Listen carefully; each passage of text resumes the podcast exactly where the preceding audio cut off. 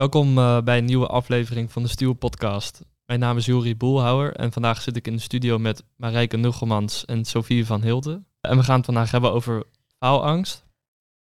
Uh, zouden jullie eerst wat over jezelf kunnen vertellen? Wil je beginnen, Marijke? Ja, ik wil zeker beginnen. Hi. Nou, ik ben Marijke Nuggelmans. Ik ben uh, zangdocent aan het conservatorium van, uh, van Utrecht, dus HKU Utrecht Conservatorium. Uh, dat doe ik al inmiddels een jaar of 13, 14. En uh, een aantal jaren geleden ben ik ook een opleiding gaan volgen tot faalangstreductietrainer nog daarnaast. Omdat ik uh, dat erg interessant vond. En sindsdien geef ik ook het keuzevak studeren zonder stress aan allerlei studenten van het conservatorium momenteel. Ja. Mooie ontwikkeling. Ja. Ja, ja ik ben dus Sophie en ik heb hiervoor biologie gestudeerd. Ik heb drie jaar biologie bij de UU gestudeerd. En nu studeer ik op het conservatorium uh, opleiding docent muziek. En heb ik op een gegeven moment het vak studeren zonder stress gevolgd. En dat was gecoacht door Marijke. Dus uh, vandaar. En verder, ja, ik maak heel veel muziek en daar hou ik heel erg veel van. En uh, ja, ik denk dat dat het wel een beetje is. Klinkt goed. En um, je hebt dus dat keuzevak gekozen toen. Mm -hmm. Hoe kwam je daarbij dat je dat, dat je dat wilde gaan doen? Nou, ik denk dat ik gewoon ik had inderdaad de hele tijd een soort van. Uh, al die opdrachten die we moesten doen. Het waren eigenlijk een hele leuke opdrachten die ik voor mijn studie moest doen. Maar ik merkte dat ik de hele tijd een soort van onderliggend ja, onrustig was. En al, al die opdrachten dat ik de hele tijd dacht van ja, ik moet de hele tijd allemaal. Ik krijg er een soort van stress van. En ik wist niet zo goed waardoor dat kwam. En toen kwam er op een gegeven moment een mailtje langs dat er een keuzevak was. Uh, studeren zonder stress. En toen dacht ik, ja, misschien is dat wel gewoon handig om me daarvoor op te geven. Omdat ik zelf, ik dacht van ja, er is denk ik wel iets. En het, ja, en ik, ik wist niet zo, kon niet zo goed verklaren waardoor ik nou de hele tijd me ja, onrustig voelde. Bij, ja, terwijl ik een hele leuke studie doe en helemaal niet ontevreden ben ermee. Maar toch voelde ik die stress de hele tijd. Dus ik was gewoon een beetje van ja, ik ben eigenlijk wel benieuwd wat dat dan is. Of wat ik daar, ja, of het iets is. uh, ja. ja, dus zo. Dan kom je bij Marijke terecht. En wat is het, wat is het eerste wat jullie hebben gedaan toen? Het eerste wat we hebben gedaan. Um, allereerste ding was volgens mij ontspanningsoefeningen. Ja. ja, en dat was uh, gelijk wel heel, heel fijn, maar ook heel veel confronterend. Want vaak als je je ontspant, dan ga je ineens allemaal, komen allemaal uh, gedachten tot je. uh, waar je dus inderdaad stress van krijgt. En daarna... Oh, dan wordt het opeens helder allemaal. Dan, ja, of dan ga je, ga je ineens stilstaan bij sommige dingen waar je eigenlijk al een tijdje mee zit. En daarna hebben we het volgens mij vooral gewoon gehad over waar we nou eigenlijk stress van kregen. Wat nou de dingen waren welke lessen we die we volgden, wat nou de, de triggers waren waar we nou stress van kregen. Ik denk dat dat het eerste was wat we hebben gedaan. Ja, klopt. Ik probeer altijd heel erg in het begin gewoon te zorgen dat iedereen voor zich gewoon duidelijk krijgt van wat, waar heb ik nou eigenlijk last van? Welke gedachten zijn het dan vaak, hè? Blokkeren mij. Ja. ja. En als je dat eenmaal een beetje helder hebt, dan kun je gaan werken aan herstel. Ja, precies. Dus eerst echt oorzaak vinden. Ja, ja. ja. ja. En wat was bij jou de oorzaak? Nou, ik denk uiteindelijk dat ik de lat voor mezelf best wel hoog had gelegd voor heel veel dingen. Uh, waardoor elke keer als je dan ja, een opdracht maakt die eigenlijk gewoon heel goed is gegaan, maar je hebt één klein dingetje fout gedaan, dat je gelijk in je hoofd denkt van ja, maar de hele opdracht is dus fout. Terwijl dat is helemaal niet zo, maar dan heb je in je, in je hoofd de lat zo hoog gelegd. Toch een soort van perfectionisme, denk ik. Um, waardoor dat de hele tijd in de weg zat. Dus dan had ik een opdracht gemaakt en dan dacht ik van oh, ja, in principe prima. Had ik één klein foutje gemaakt en dan was ik daar super ontevreden mee. Terwijl iedereen om me heen gewoon was van, nou, volgens mij is het prima. Maar dan had ik dat zelf niet zo ervaren. Waardoor je de hele tijd een soort van stress krijgt van, ja, maar ik moet het wel op zijn minst uh, 10 out of 10 doen. Terwijl dat uh, hoeft natuurlijk helemaal niet. Maar op dat moment had ik dat nog niet zo eigenlijk door dat ik dat in zoverre mate deed. Dat ik die lat zo hoog legde eigenlijk bij mezelf. En daar ben ik in die les van Marijke wel heel erg beetje achtergekomen hoe ik daarmee om kon gaan, zeg maar. Of sowieso erachter gekomen dat ik dat had, denk ik. ja. ja, dus het ging eigenlijk gewoon prima, maar niet, Mhm. niet goed genoeg. Nee, ja, precies. Ja, Het is toch een soort van... Maar ik denk ook dat het iets is wat je eigenlijk al je hele leven al een beetje... Erin, dat het erin geslopen is of zo. Ja, het is heel vaak zo hoor. Dat mensen dat echt al van, van jongs af aan op een of andere manier hebben meegekregen of zo. Van, hè, het, het- het- je probeert dingen perfect te doen op je aller, allerbest. En dat zijn eigenlijk stiekem ook nog twee verschillende dingen. Want ja, perfect, zeker in, in, in kunstvakonderwijs, wat is dat dan precies? Mhm, ja. Weet je eigenlijk niet. Je bent constant een soort onhaalbaar doel aan het nastreven, waardoor je nooit tevreden gaat zijn met, eh, met wat je doet. Ja. Ja. Ja. Ik kom dat heel veel tegen ehm, onder de studenten waar ik dit vak aan geef. Ik denk, eh, ik weet niet of het bij de andere kunstopleidingen ook zo is, maar zeker bij het conservatoriumstudenten, dat zijn heel vaak mensen die in een bepaalde mate wel echt perfectionist zijn. Ja, Ja. Ja, bij muziek hoor je dat. Zeg maar, ik, ja, Ja. Ik, ik ben zelf geen conservatoriumstudent, maar bij muziek hoor je dat meteen. Ja. Als het niet perfect is. Maar ja. als je studeert, hoeft het misschien nog niet perfect te zijn. Het hoeft Of- nooit perfect of te zijn wat mij betreft. Nee, dus dat is nou het grappige wat ik me op een gegeven moment Ja. gerealiseerd had. ja, Dat je daar ook zit om te leren en dat je daar niet zit om het gelijk al perfect te kunnen. Maar op een of andere manier zat het er wel heel erg in. En ik merk, ik ken ook best wel veel mensen die dat eigenlijk wel hebben. Dat je, dat je vergeet van, oh, ik ben hier om juist al deze dingen te leren. Niet alleen bij conservatorium, denk ik, ik denk eigenlijk, eigenlijk bij alle studies wel. Ja. ja. In plaats van dat je gelijk bent tentamen 10 moet halen, dan is dat, ja, dat, dat hoeft helemaal niet. Maar die lat leg je jezelf dan wel op. En toen kwam je bij de faalangsttrainingen terecht. Wat, wat zijn jullie toen gaan doen uiteindelijk met, met de oorzaken waar je achter kwam? Ja, ik vond het zelf wel leuk om te doen, omdat ik er daardoor achter kwam waar het sowieso aan lag. Maar dat waren, we gingen een beetje zoeken in ons eigen hoofd wat nou eigenlijk de gedachten waren die je op een moment hebt. Ik had dan heel vaak last van een soort van, soort van blackout. Op het moment dat ik dan echt iets moest doen of moest presteren, dat ik dan echt totaal niet meer wist wat ik moest doen en eigenlijk een beetje een soort van blokkeerde. En wat Ja. nou de gedachten zijn die ervoor zorgen dat dat überhaupt komt. Dat je in een soort van spiraal komt van, ja, dat je dus iets niet kan of zo. Ja. Dus had je dat dan thuis ging het goed en dan zodra je daar Ja. het lokaal Ja, precies dat. Ja, Ja. dan was het soort van. Dat is ook het kenmerk Ja. hè, van, van faalangst hebben. Ja. Soms weet je niet eens zeker of je het nou hebt of niet. Maar als je in een ontspannen toestand iets kan en op een andere omstandigheid opeens niet meer. Dus je presteert onder je eigen kunnen. Dan weet je dat er iets van faalangst meespeelt. Ja. Ja. En ik merkte vooral dat, dat het, bij- ja, als ik om mezelf betrek, dat het vooral naar iets sociaals was. Dat ik gewoon heel erg bang was wat anderen ervan gingen vinden. Als ik het dus een keertje niet helemaal goed deed. Ja. Ehm, en in de les gingen we dan een beetje uitzoeken bij Marijke wat, wat dan die gedachten waren die ervoor zorgen dat je dus in die spiraal komt. En bij mij waren dat dan dingen van, oh, iedereen vindt me vast stom als ik het niet zo perfect doe of zo. Eh, terwijl, en dan gingen we die gedachten vervangen voor, ja, eigenlijk een soort van tegen. Ja, we toetsen eigenlijk al die gedachten die mensen hebben, waardoor ze eigenlijk gaan blokkeren. Die toetsen we eigenlijk aan twee vragen. Namelijk, ten eerste is het waar wat jij denkt. Is al heel vaak het antwoord nee, maar soms voelt dat nog als van, nou ja, misschien wel, ik weet het niet. En dan de tweede vraag is al die we stellen is, helpt deze gedachte jou? En dan is eigenlijk altijd, altijd het antwoord nee. Ja. Het helpt me niet. Dus Ja. die gedachten, die wil je eigenlijk niet meer hebben. Maar ja, zeg maar eens gedachten ga weg, dat lukt niet. Nee. Dus wat we doen, is we gaan op zoek naar welke gedachten zouden jou wel helpen. Welke, en die gaan we eigenlijk programmeren. En dan gaat, komt ja, neuroplasticiteit heet dat dan. Die gaat in, gaat in werking. Als jij iets maar vaak genoeg gaat herhalen en hardop gaat zeggen, gaat koppelen aan een dagelijkse activiteit. Op een gegeven moment wordt die hersenverbinding van die nieuwe gedachte wordt steeds sterker. En de oude wordt steeds minder vaak gebruikt. En op een gegeven moment sterft die gewoon af. Ja.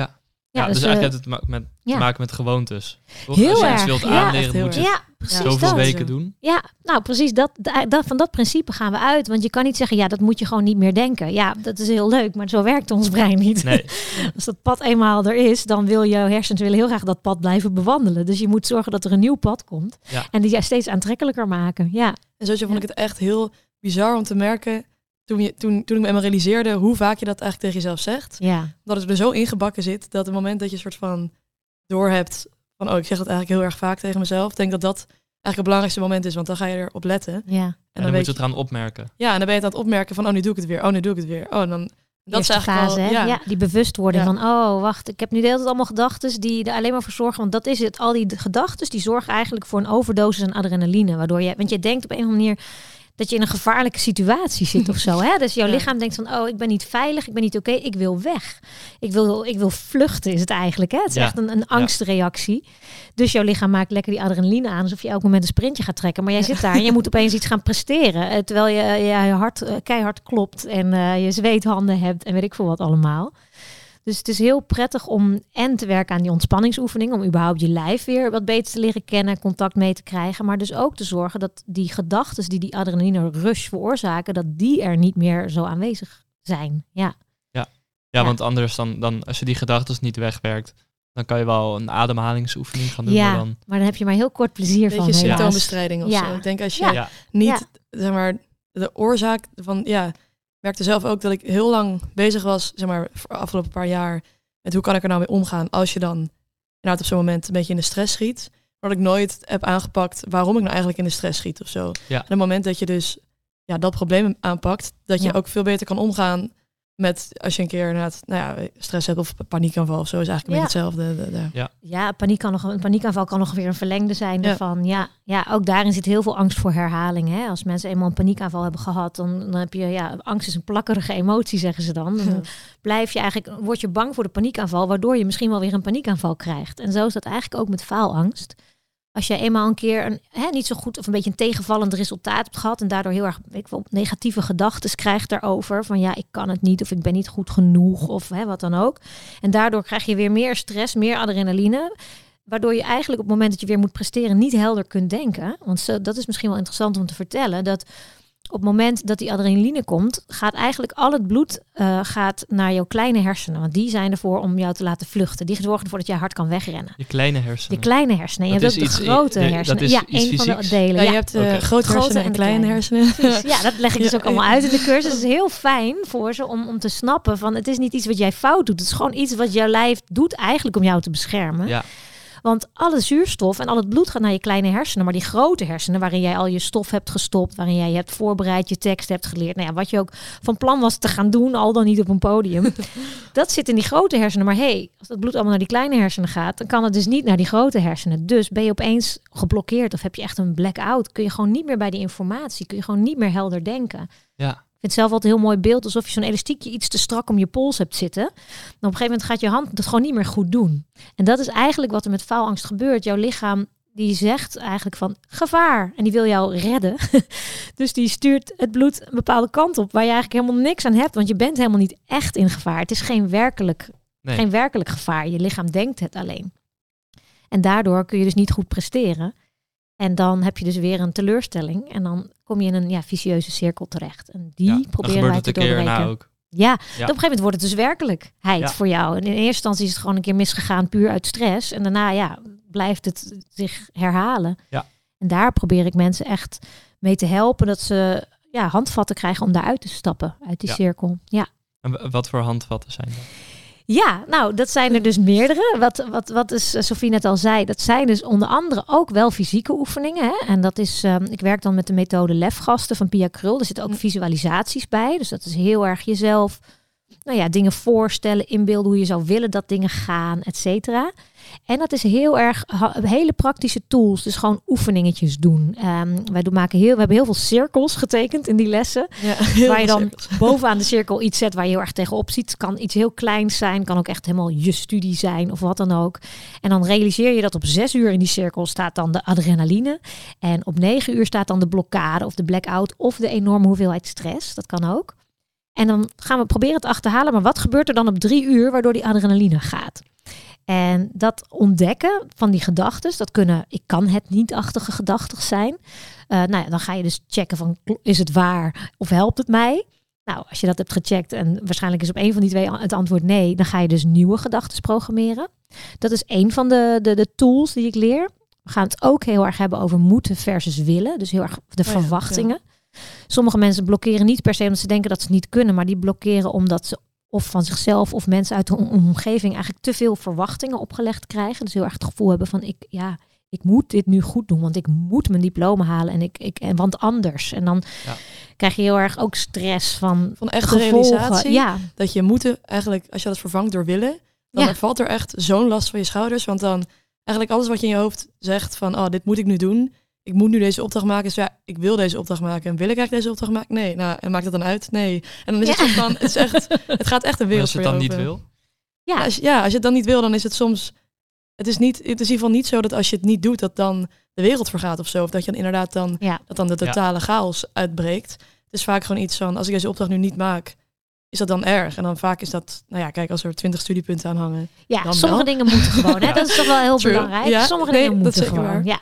Maar Ja, sommige... dat denk ik ook met tijd te maken. Dan Mm. Ja. ehm, ben ik op tijd begonnen. Of Ja, heb ik het goed ja. genoeg? Eh, ik weet niet precies hoe Nog ik het- beter, wat kan ik nu nog doen? Want ja, Ja. als je niet op tijd begonnen ook. bent, dan Ja. kun je op dat moment dan niet zoveel meer aan veranderen. Maar wat kan ik nu nog wel doen? Want daar gaat het ook Het vaak is ook, mis. ook hè? denken in mogelijkheden. Ja, ja, ja, Ja. En ook niet denken van oh, wat je allemaal niet gedaan hebt of zo. Hè? Want dat is vaak als je last hebt van te veel uh, verwachtingen. En dat kan ook zijn hè, van, van familieleden of zo. Die, en niet eens omdat ze zeggen, oh, jij moet het wel goed doen. Maar dat je ze niet teleur wil stellen. Je wil heel graag dat ze trots op je zijn. Of studiegenoten of zo. Je wil gewoon heel graag dat, dat, dat de verwachtingen die mensen van jou hebben, dat je die waar kunt maken. Um, en daar kan soms ook gewoon een veel te grote druk uit ontstaan. Omdat je daar niet aan kunt voldoen. Dat red je dan gewoon even niet. En inderdaad, de realisatie van hoe belangrijk is dit nou eigenlijk kan heel erg helpen. Maar ook het ombuigen van moedgedachten naar wilsgedachten. Soms kun je ook gewoon denken van, ja, oh, ik moet echt dit stuk nu schrijven, want ja, anders dan heb ik het niet op tijd af en dan wordt mijn docent boos. Nou, heb je echt geen zin om aan de slag te gaan als je dat soort gedachten in je hoofd hebt. Maar als je denkt, oké, ik wil eigenlijk heel graag deze opdracht nu afmaken. Want als ik die nu af heb, dan kan ik straks nog even lekker een wandeling maken. En dan ben ik er maar klaar mee. En dan kan ik de volgende keer weer lekker met dit of dat verder. Dus dat je echt gaat, op zoek gaat naar waarom je het ook echt daadwerkelijk wil. En soms moet je dan ook je doelen echt eerst wat kleiner maken. Omdat de dingen nog veel te groot zijn, bijvoorbeeld. Ja, ja, ja, dus het is dus eigenlijk ook inderdaad heel, heel klein maken. Ja, ik kan, ja. Me, ik kan me voorstellen als student in deze tijd. Um, ik ook benieuwd wat jij ervan ja. vindt. Is het best wel, ja, je mag niet te lang studeren. Nee. Het is duur. Je, Ja. Misschien Ja. woon je ergens omdat je student bent. Dus eigenlijk alles om je leven hangt Ja, komt studie heen? allemaal, ja. Ja. met veel gevolgen. Maar eigenlijk, eigenlijk zeg jij, laat dat even los. Of Ja. op zo'n Ja. belangrijk moment. Nou, zet het eh, ja, in perspectief. Ja, ja, inderdaad. Van hoe erg is het? Hè? Kun je het echt financieel niet dragen om, om wat uit te lopen met je studie? Of eh, weet je, zet je eigen gezondheid voorop en zorg dat je ook enigszins kunt genieten van, de, van je studie. En ik snap wel dat dat moeilijker geworden is de afgelopen jaren. Inderdaad, door, door de, nou ja, de veranderende maatregelen rondom studiebeurzen en dat alles leningen werd en alles werd duurder. En ik heb dat ook echt gemerkt dat daar daardoor Ja? echt meer stress is gekomen bij studenten. Ja. Meer aanmeldingen of meer Nee, nee. verhalen erover. Nou, vooral veel meer. ehm, ja, nee, niet meer aanmeldingen per se hoor voor mijn vak. Nee, maar wat je gewoon merkt, de verhalen die, die leven. Dat je gewoon merkt dat mensen die, die druk is gewoon hoger geworden. Waardoor die adrenaline en die stress gewoon hoger liggen Ja, bij ik studenten. merk echt inderdaad dat bij, als ik over mezelf dan spreek, Ja, dat vooral, maar ik denk ook als je dan twee studies, vooral als je twee studies doet, maar überhaupt als je één studie doet, dat het dan het idee dat het binnen zoveel tijd af moet. En als je dan, ja, en ook nog met de bedragen die er dan elke maand soort van bij komen, dan dat geeft me een soort van echt een soort van achtergrondruis of zo. ja. Dat je echt zo dit tijd Ja. zo, ja, ik weet niet, ja, maar jij misschien ook wel met jouw studie. Ja, wel, ja. Ja, dat het dan toch een het, soort is, van. het is er wel. Ja. ja. De druk is Ja. echt Dat je hoger toch de hele tijd geworden. van ja, dit, dit moet ik toch ooit ergens gaan oplossen. Of nou ja, dit wil ik toch soort van ergens Ja. ermee dealen. Maar ja, Ja. Ja. En je ziet die bedragen oplopen en je denkt, oh, dit is niet, dit is niet te, te, te, doen. Maar je bedenkt het ook nog heel erg vanuit nu, waarin je nog niet zoveel geld verdient. En op een gegeven moment, als je gewoon werkt en je mag er jaren over doen om het terug te betalen, dan valt het vaak toch ook nog wel weer mee. Maar dat, nou ja, dat, is, dat, dat, dat meevallen is wel minder geworden de afgelopen jaren, omdat het gewoon die bedragen nog veel hoger werden. Ja. dus ik hoop wat dat betreft dat het, eh, nou ja, dat dat weer wat beter wordt voor studenten. Überhaupt het klimaat om te studeren, dat dat weer iets minder druk geeft, financieel voornamelijk ook. Ja. Ja. Ja, en ehm, denk je ook dat het soort van aanstekelijk is om stress te hebben over eh, bepaalde toetsen of beoordelingen Ja. of presentaties? Ik snap wat dat, je dat ken ik wel. dat- Ja. dat heb Ik was ook wel aan het nadenken. Ja. Ik dacht wel, ik denk als ik naar mijn eigen klas kijk, dan denk ik wel dat er ehm, denk, nou, ja, best wel vergelijkbaar met de middelbare school, dat je elkaar best wel kan opzwepen, zeg maar. Met ja, ja, ja. oh, deze opdracht, oh spannend, oh ja, oh, oh, ah, en dan helemaal. ja. eh, en ik denk dat de een daar gewoon veel beter tegen kan dan de ander. Sommigen laten zich echt niet gek Ja. maken. Het is ook altijd heel prettig als er dan in zo'n groep zo één of twee zi- zijn die zich niet gek laten maken. En dan ook even zeggen tegen de rest Ja. van, oké jongens, laten we gewoon doen wat we nu kunnen doen. En Ja. we zien wel wat er gebeurt of zo. Dat zijn hele fijne, kalmerende gedachten. Ja. Van joh, eh, je, we gaan, eh, ons leven hangt er niet van af. Hè? We gaan gewoon lekker muziek Ja. maken. Zoiets. Of we gaan gewoon nu even lekker aan de slag. We zien het wel. In plaats van met z'n allen, oh, en ik heb het echt niet goed voorbereid. Of oh, ik heb het zo goed geleerd, maar ik weet het allemaal niet meer. En dan, voor je het weet, ben je met elkaar enorm die Ja. adrenaline levels aan het in dat opzicht wel dat het echt aanstekelijk is. Omdat je elkaar wel bij tentamens of zo inderdaad wel echt kan... eh, Ja. ja. Het is Ja. altijd heel fijn als er één of twee kalm blijven en dat dan ook nog delen, die kalmte. Ja. En, eh, Ja. ik Ja. merk het ook wel eens als je vlak voor een tentamen of een, een presentatie een ruimte binnenkomt en dan voel je soms echt die, die stress in de ruimte. En dan denk je ook, oké, je kan ze nu zich allemaal gek laten maken. We kunnen ook even zeggen, kom jongens, we gaan even inzingen. En dan laat je gewoon even lekker ademen. Laat je even Mhm. lekker rustig worden. Ja. En dan denk je, oké, nou nu zijn de adrenaline levels alweer een stuk lager. Ja. Ja, Ja. Ja. Dat, is een, dat is bij iets eh, van een, iets van een performance Ja, Mhm. eh, ja. op het podium. Maar ik denk dat ook in het proces, als je iets gaat maken, want ik, ik studeer fotografie, Ja, Ja. dat je dan, dat had ik toevallig een week geleden, dat ik ben aan het afstuderen en ik, dat, ja, je wil gewoon dat het een heel goed Ja. project wordt. En Ja, je, daar- je kan allerlei dingen daarmee bereiken. Maar als je dan zo met het einde bezig bent, dan, dan vergeet je ook te genieten. Ja, ja. Ja, dat Eh, en ook goede keuzes te maken. En wat ik gewoon merkte was, als ik dat dan... Nu ben ik dat los aan het laten en gewoon veel meer weer vrij dingen aan het maken. En dan, Ja. dan komt het ook wel goed. Dus, dus Ja. het is inderdaad ook een beetje een vicieuze cirkel. zeker. Ja, je gewoon realiseren van, oh ja, ik doe dit omdat ik het gewoon leuk vind. Ja, En Ja. niet omdat het Maar- moet inderdaad. Maar dat ja. gebeurt helaas, vind ik, zoveel dat eigenlijk studenten, tij- dan hebben ze hun hele leven lang een passie voor iets en dan worden ze toegelaten op zo'n kunstvakopleiding. En dan gedurende die opleiding verliezen ze eigenlijk hun passie. Ja. Omdat het voor hun gevoel allemaal moet.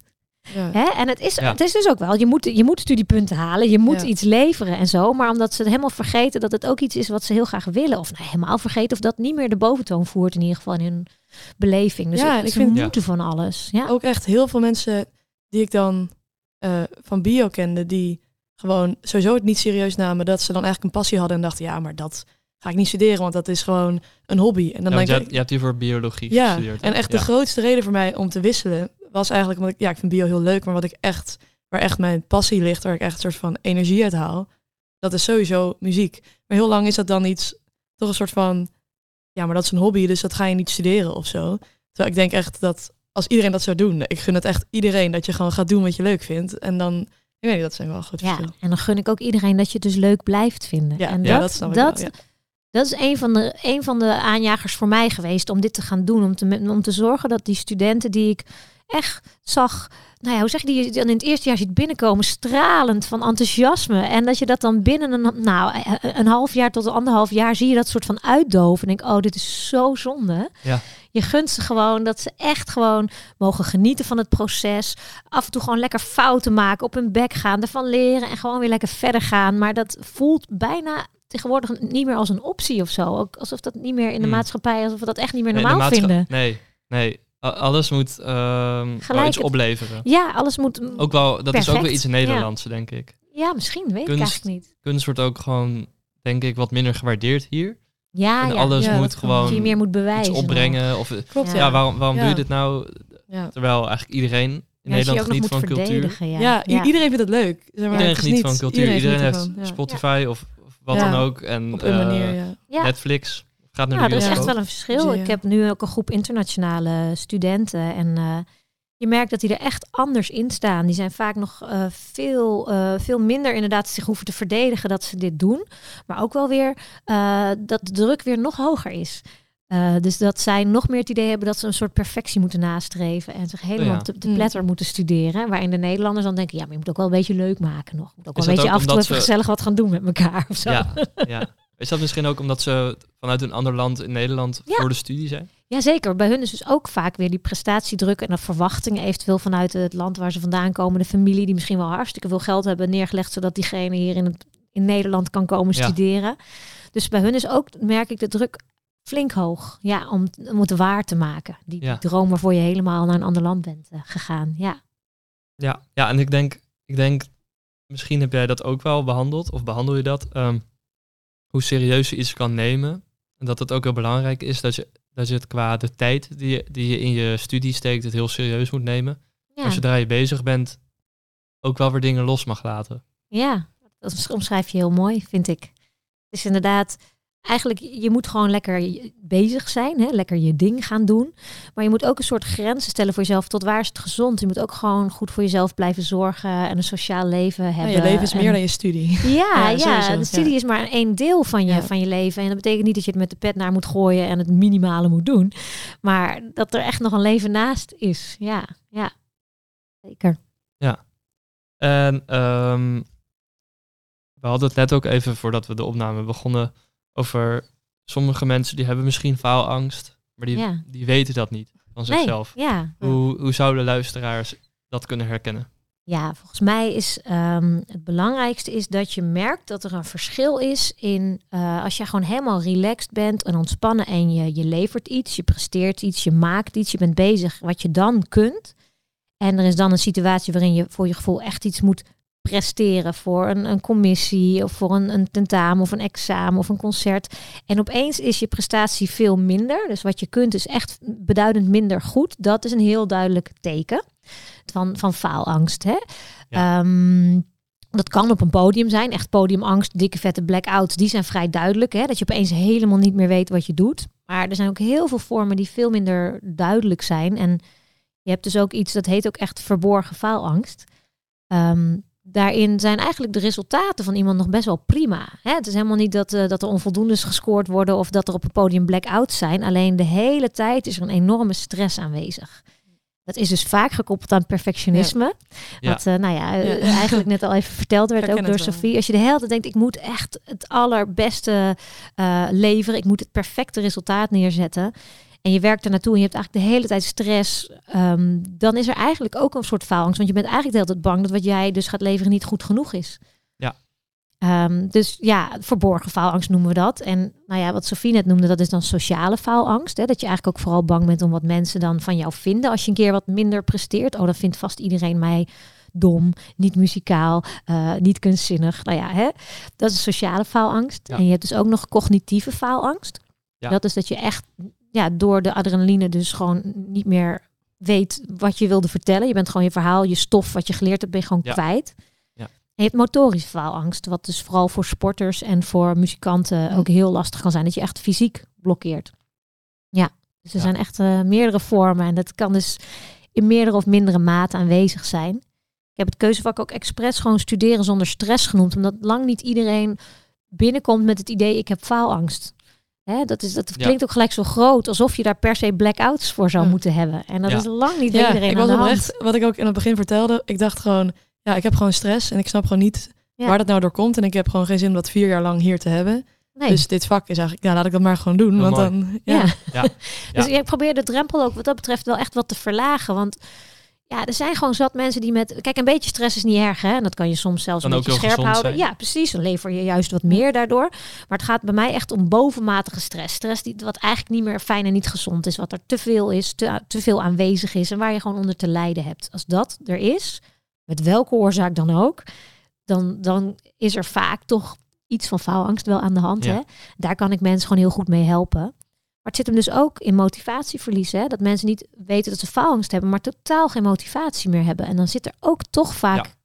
iets uit de faalangstspectrum zit daaronder. Ja, Maar dat uit zich in motivatieverlies verlies, gewoon helemaal niet meer aan de slag kunnen of willen. Gewoon ook vanuit een blokkade vaak. Vanuit te veel verwachtingen, te veel voor je gevoel iets moeten. Ehm, of te veel denken dat je het niet goed genoeg kan. Of dat het toch nooit perfect gaat zijn. Dus ik doe liever het heel erg goed of niet. Ja, ja. Ja. Dat is toch ook een soort faalangst. Ja. Ja. En als je daar dan dat hebt ge- geconstateerd Ja. bij jezelf, wat kan je dan doen? Als je niet jouw keuzevak kunt Ja, volgen. precies. bijvoorbeeld. Ja, ja. Nou ja, ik hoop dus wel. Ik, daar ben ik wel mee studeert, bezig om. eh, ja, precies. Nou, ik ben er wel mee bezig om, om te zorgen dat, dat, dat het niet alleen op het conservatorium dit vak gegeven wordt, maar dat er misschien wat meer mensen enthousiast raken, ook collega's om dit te gaan geven. Maar als je nou merkt dat je echt eh, last hebt van, eh, van faalangst, dan zou ik zeggen, ehm, ga eerst bijvoorbeeld zo'n boek erover lezen. Dit is dan de methode lefgasten die studenten lezen. Dat boek daar ook allemaal bij. Er, eigenlijk de hele methode staat daar al heel mooi in beschreven. Het enige is, je doet het dan thuis in je uppie. En het mooie is, wat ik heel erg, wat ik heel erg merk, is de kracht van de groep. Je zit daar met een groep studenten bij elkaar. Je denkt, ach, heb jij dat ook? Weet je wel? Dus de herkenning, Sowieso, eh, het ja. gevoel van ik ben Ja. niet de enige die dit heeft. Ja. Dus je zou het ook bespreekbaar moeten maken. Sowieso. Zeker. Vrienden, Zeker. klasgenoten, ouders. Delen, Dat- ga ja. het delen. Ik zei het net ook tegen Marijke, maar we zaten net, het was heel lekker weer vandaag, dus we zaten net in het park. En ik vertelde zo aan een paar mensen, ja, we gaan het, gaan het hierover hebben. En iedereen, eigenlijk dat iedereen het wel herkende op een bepaalde mate. En dat echt was van, oh, eigenlijk wel goed vak. Oh, had ik ook wel kunnen. Maar, en de een inderdaad veel erger dan de ander, maar dat het wel, ja, gewoon zo makkelijk bespreekbaar gewoon moet zijn eigenlijk. Ja, ik denk dat, het, ja, ik denk dat er gewoon, zeker op dit soort opleidingen, echt best wel veel mensen het een klein, klein beetje Ja. faalangst hebben tot heel erg. Het kan, eh, Ja. Mm. het kan ook heel erg blokkerend zijn. Ja. En misschien ehm, opsch- opschrijven. Voor jezelf Ja, opschrijven Ja, wat nou gebeurt? sowieso. Hè, Wat- ja, dat is al heel goed gewoon eh, waarnemen voor jezelf. Van joh, maar hè, op het moment dat ik die faalangst ervaar, wat gebeurt er dan eigenlijk? Wat zijn dan mijn gedachten? Dat is al een hele goede stap. En die dan eens even toetsen van zijn ze waar en of helpen ze mij?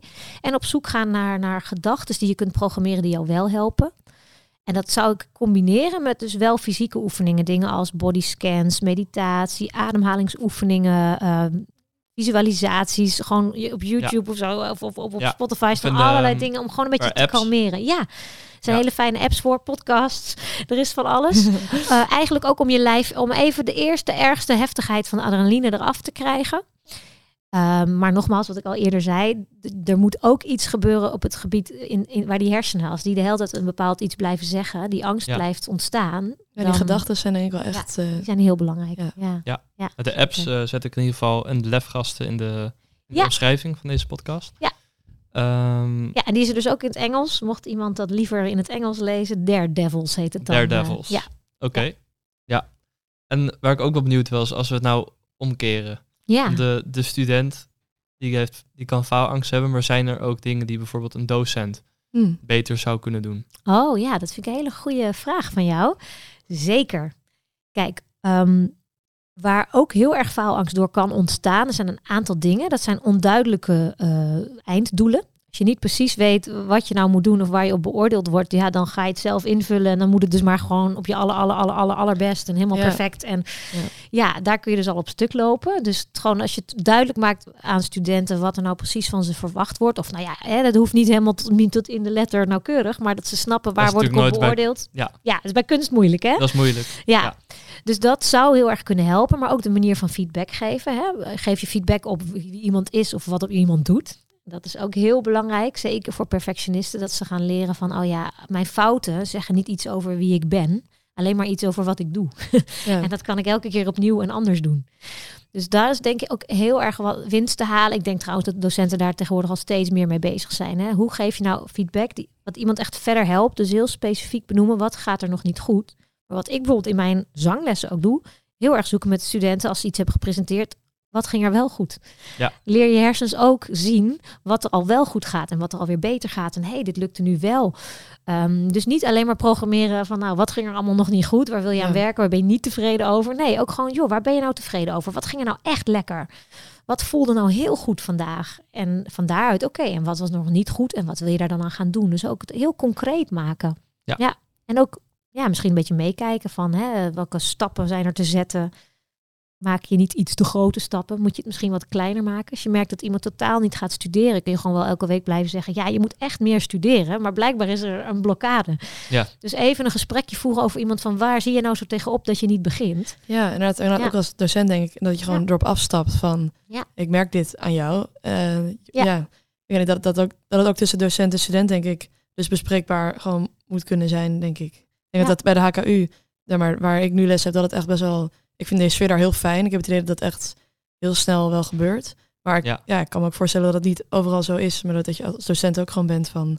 Ja, Hoe gaat het eigenlijk eh, met jou? Of zeg maar, waar, Ja. waar komt dit eigenlijk door? Of zo? Ja. Ja, dus eigenlijk zou je als student ook daar kritisch op kunnen zijn. Ja. Want geeft mijn, ja. eh, eh, staat er duidelijk genoeg in de lesbrief of in het curriculum precies. wat er van ja. mij wordt verwacht? Ja, is het voor mij duidelijk? Want dat kan echt blokkerend zijn. Als je niet precies weet wat je moet doen, ja, dan ga dan maar eens aan de slag. Want dan weet je gewoon niet wanneer is het genoeg. Ga je ook misschien veel te veel doen? Ga je jezelf helemaal overwerken? Of je gaat dus misschien wel helemaal niks doen, want je, je snapt niet wat je moet doen. Ja. dus als de opdracht enigszins duidelijk is, eh, of misschien verduidelijkt moet worden. Sommige studenten hebben echt meer behoefte aan duidelijkheid dan anderen. Sommigen die denken, joh, prima, ik ga wel aan de slag. Doe gewoon hoe ik het leuk vind, want die ruimte is er blijkbaar. Ja. Sommigen moeten gewoon even geholpen worden. Zeker in het eerste jaar, soms nog in het tweede jaar. Om een beetje opgestart eh, te worden. Ja. En dat, dat vind ik ook, ik vind dat normaal. Ik vind HBO-studenten, zeker als ze zo 17, 18, 19 zijn, weet je, je brein is gewoon nog in ontwikkeling. Ja. Dus Ja. ik, vind, ik vind het geen schande als dan af en toe even iets meer, nou ja, hè, bij de hand genomen worden. Op een gegeven moment langzaamaan moet die hand wel los. Hè? Dat is, laat me duidelijk eh, zijn daarover. Maar eh, de, de ene student is gewoon de andere niet. Dus een beetje differentiëren daarin is ook, denk ik, heel goed als eh, docent. Ja. Ja, interessant, interessant. Dus als ik het samen mag vatten, Ja. is het gewoon heel belangrijk om eerst dingen te gaan herkennen Ja. bij jezelf. En dan de ontspanning op te zoeken en aan, Ja. dat, aan dat patroon. Ja. Het, eh, weet het, de gewoonte van het, Ja. van het weerleggen van die gedachten. Ja, precies. Ja. dat soort oefeningen doen wij heel veel. Oké.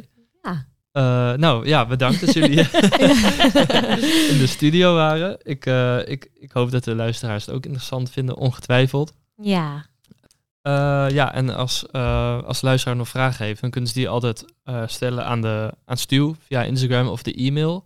Maar ik denk dat het ook leuk is om jullie nog een keer vragen te kunnen stellen. Is daar een moment voor? Eh, ja, zeker. Ik ben eh, aanwezig bij de Good Week. In eh, mei is dat, na de meivakantie. Dat is ook door Stuur georganiseerd. En dan ga ik zowel in het Nederlands als in het Engels ook een, eh, een presentatie geven eigenlijk over die lefgastenmethode. Dat studeren zonder stress. Eh, en iedereen die daar is, die kan ook gewoon lekker zijn vragen stellen. Dus eh, ik zou zeggen, als je denkt ik wil er wat meer van weten, kom daarheen. Ja. Kom naar de Good Week. Kom naar de Good Week. Ja. Ja. En ik denk sowieso dat het gewoon met je vrienden erover hebben, dat het gewoon, ja, dat het gewoon bespreekbaar ding wordt onderling ook. Ja. Ehm, ja. Dat het echt heel, ik denk heel normaal is dat je daar af en toe. Laat, precies, laat, Ja. laten we dat zeggen. Dat vind ik misschien wel de belangrijkste afsluiter. Echt heel veel mensen hebben last van een bepaalde mate van faalangst. Het is echt niet raar. En Ja. als je zo'n studie doet, zoals op een conservatorium of een kunstopleiding, waarin je gewoon echt best wel op hoog niveau iets moet presteren of maken, dat is helemaal niet vanzelfsprekend dat je dat doet zonder eh, dat daar misschien wel stress of blokkerende gedachten bij komen kijken. Dus ik denk dat het heel normaal is dat je daar wat hulp bij krijgt. Mooi, mooi. Nou, bedankt dat jullie in de studio waren. En Ja, eh, graag. Graag bedankt voor het luisteren.